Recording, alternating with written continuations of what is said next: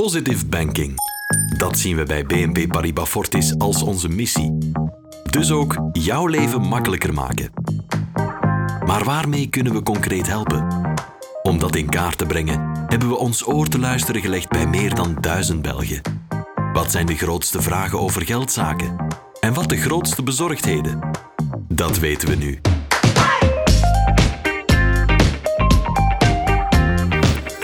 In Ask Your Bank geven we antwoorden in heldere taal om je nog beter van dienst te kunnen zijn.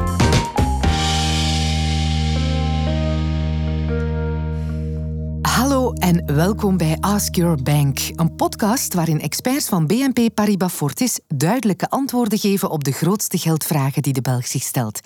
Ik ben Elke van Mello en ik bespreek in elke aflevering een vraag met Martijn de Hane van het marktonderzoeksbureau Profact.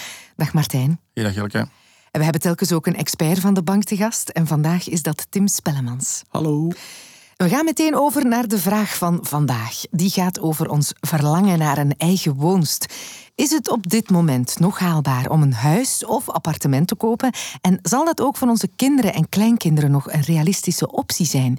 Het is zo dat woningen duurder worden, dat weten we. Maar er is ook een bezorgdheid dat het moeilijker wordt om een woonkrediet te krijgen. We gaan in deze aflevering van Ask Your Bank na in hoeverre dat allemaal klopt. En we geven tips om de droom van een eigen huis werkelijkheid te laten worden. Maar Martijn, eerst naar de enquête van BNP Paribas Fortis. Jij werkte daaraan mee. En jij weet dus met welke vragen de mensen zitten. Dat is zo. En Tim, jij bent productexpert woonkredieten bij BNP Paribas Fortis. Jij kan dus perfect inschatten hoe haalbaar het is om vandaag de dag een woning aan te schaffen. Dat is de bedoeling, ja.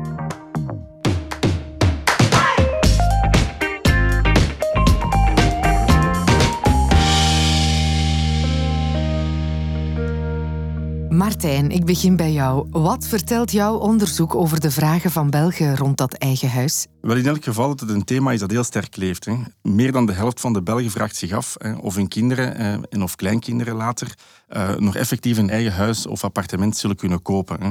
En ook bij die jongeren zelf, hè, bij die kinderen en kleinkinderen zelf, zien we een heel grote bezorgdheid. Hè. Uh, in de groep ehm, van jongeren tussen de 18 en 29 jaar um, vraagt eigenlijk meer dan 7 op de 10 zich af of dat ze ooit nog een hypothecair krediet zullen kunnen afsluiten.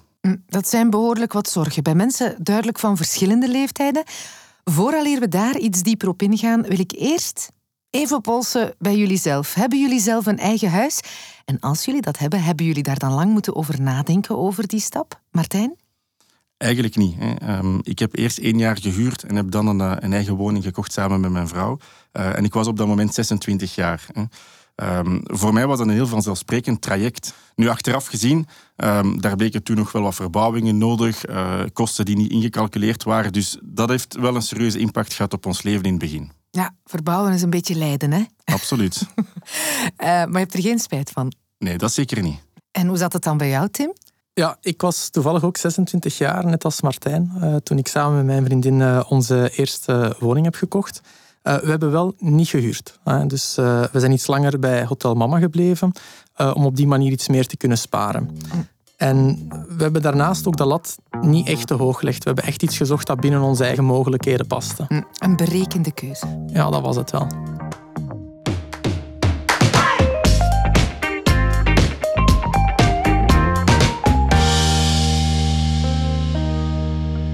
Martijn, het is duidelijk, mensen zijn bezorgd over de betaalbaarheid van een eigen woning. Zowel voor nu als voor later voor hun kinderen. Is die bezorgdheid terecht? Ja, eigenlijk wel. Hè. Um, woningen worden nu eenmaal gewoon duurder. Hè. Als we kijken naar de evolutie van de laatste vijf jaar, dan zien we dat de woning en appartementen, dat de gemiddelde prijs daarvan met 20% is gestegen. Hè, wat dat toch een, een, een heel stevige stijging is. Hè. Um, om concrete cijfers te geven, laten we eens kijken naar de notarisbarometer. Hè. Daar zien we dat de gemiddelde um, prijs voor een woning hè, in het eerste kwartaal van 2021 hè, grosso modo ligt op 280.000 euro. Hè, waar die van een appartement toch ook al ligt op 250.000 uh, euro gemiddeld. Dat zijn toch heel stevige bedragen. Langs de andere kant, um, voor het verkrijgen van een hypothecair krediet vragen financiële instellingen ook steeds meer uh, een hogere eigen inbreng. Dat is het deeltje dat je eigenlijk zelf inbrengt bij de aankoop van, van je eigen woning of appartement. Dus Enerzijds en die stijgende prijzen, anderzijds die hogere eigen inbreng. Ja, dat is toch geen evidente balans. Nee, we zitten dus wel degelijk op een moeilijk moment. Tim, moeten we hieruit afleiden dat het steeds moeilijker wordt om je eigen huis te kopen? Wel, ik kan gelukkig wel wat nuanceren. Het is vandaag voor een meerderheid van de mensen nog altijd doenbaar om een woning aan te kopen. En wat dat Martijn aanhaalt, dat klopt helemaal, maar het toont niet het hele plaatje. Want bijvoorbeeld de interestvoeten die spelen ook een belangrijke rol, zeker wat de woonkredieten betreft. Die interestvoet is de afgelopen jaren sterk gedaald. En dat heeft ervoor gezorgd dat je eigenlijk meer kan gaan lenen en toch hetzelfde maandbedrag maar moet afbetalen. En grosso modo kan je rekenen dat een daling van 1% van die interestvoet ervoor zal zorgen dat je ongeveer een 10% meer zal kunnen lenen. Dat is dan toch nog wel iets positiefs, hè? Ja. Maar ik wil toch nog even dieper ingaan op wat Martijn daarnet zei. Uh, over die hogere inbreng die banken vragen bij het verstrekken van woonkredieten. Klopt dat? Zijn die normen voor die eigen inbreng strenger geworden? Ja, die normen zijn inderdaad wat uh, strenger geworden. Dus die normen voor eigen inbreng de laatste jaren. Voor wie een eerste woning koopt, we noemen dat de first-time buyers, mensen die voor het eerst kopen, stelt de Nationale Bank ook dat die mensen maximum 90% van de aankoopprijs uh, gaan mogen lenen.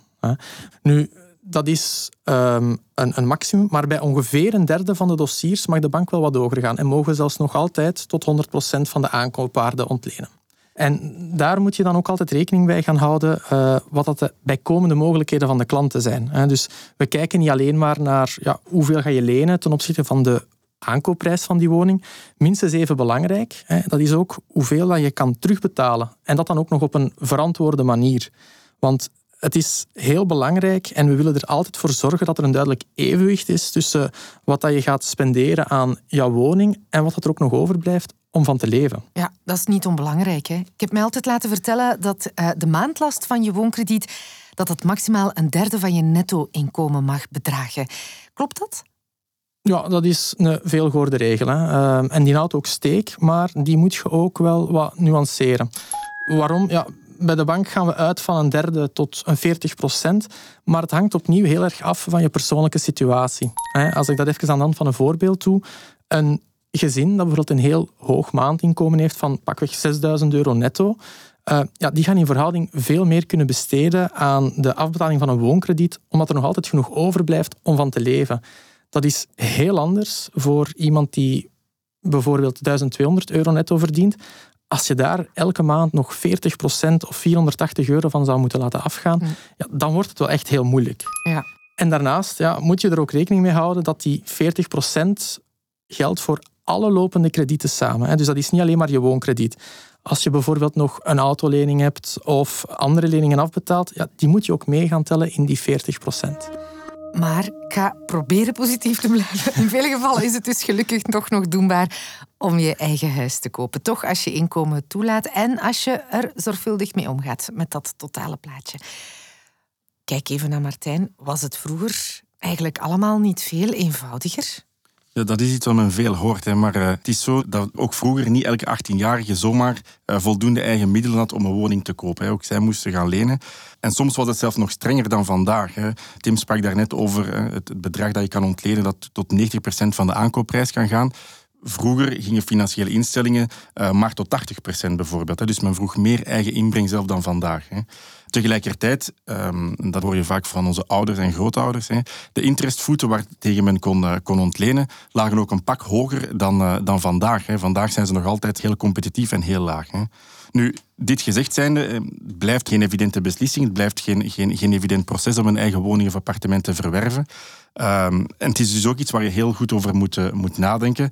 Um, en je ziet ook uh, vandaag dat, dat er ouders en grootouders uh, mee in dat bad springen en af en toe ook een steuntje in de rug bieden. Helaas heeft niet iedereen natuurlijk het geluk hè, om zo te kunnen rekenen op dat is hulp. Zo, dat is zo. Ja, en laat staan grote hulp van ouders of grootouders. Uh, niet iedereen krijgt dat duwtje in de rug. Hoe ga je beste werken om de woondroom toch te kunnen verwezenlijken als die hulp er niet is, Tim? Als die hulp ontbreekt? Ja, het beste advies dat ik daarover kan geven is om eens een afspraak te maken met de adviseur bij je bank. Hè. Uh, om samen te gaan bekijken hoe dat je die, die eigen inbreng zou kunnen gaan opbouwen. Mm. Ik heb dan nog een laatste vraag, Tim. Heeft de coronapandemie een impact op de mogelijkheid om een eigen huis te kopen? Dat is vandaag nog erg moeilijk in te schatten. Ehm, vooral omdat we nog niet echt weten wat dat de, de volledige economische gevolgen gaan zijn uh, van de coronacrisis. En zeker niet op langere termijn. Um, maar we zien wel dat de, de overheid en de banken hebben samen een aantal maatregelen genomen vorig jaar. Um, waardoor dat het, uh, het inkomen van veel gezinnen op peil is gebleven. Helaas, behalve voor de mensen in de meest getroffen sectoren, zoals de horeca.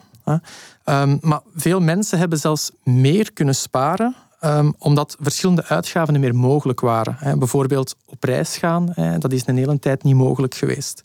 En dat maakt ook dat een aantal mensen nu over meer eigen inbreng beschikt dan, uh, dan voordien en dat ze kunnen gebruiken om een eerste woning aan te kopen. Ja, en intussen zijn die interestvoeten ook nog steeds laag gebleven. Hè? Ja, dat klopt. De, de Europese Centrale Bank eh, die zorgt ervoor dat die uh, interestvoeten momenteel nog steeds historisch laag blijven, om eigenlijk op die manier de economie te gaan ondersteunen in deze zware periode. Dat zorgt er ook voor dat ja, het nog altijd goedkoop is en het goedkoper blijft om geld te lenen voor eventueel een woning. En het ziet er ook naar uit dat dat beleid wel nog een tijdje zal duren.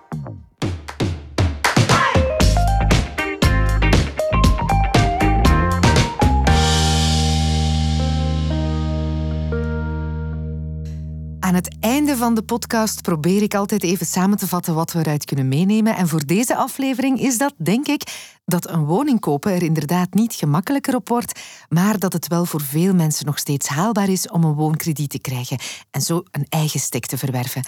Hoeveel de maandlast van je woonkrediet best bedraagt, hangt sterk af van je persoonlijke situatie.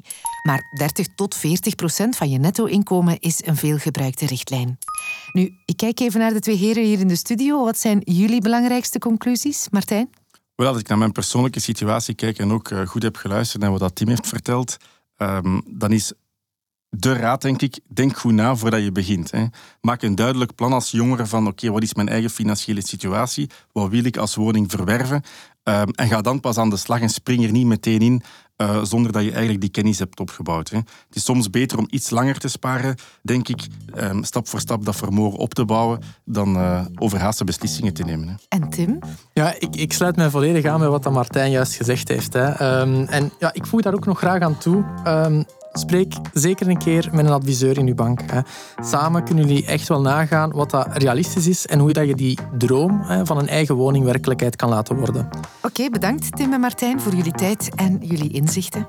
Graag gedaan. Graag gedaan. En jij luisteraar ook bedankt voor je tijd en voor je interesse. Dit was aflevering 5 van Ask Your Bank. Vond je deze podcast interessant? Abonneer je dan via je favoriete podcastspeler. Binnen twee weken zijn we er terug met de slotaflevering. In deze aflevering kwamen ook leningen ter sprake. Let op, geld lenen kost ook geld. De inhoud van deze podcast is waar op het moment van opname en kan door veranderende omstandigheden in de tijd evolueren. Ga daarom altijd te raad bij uw adviseur vooraleer u financiële beslissingen neemt.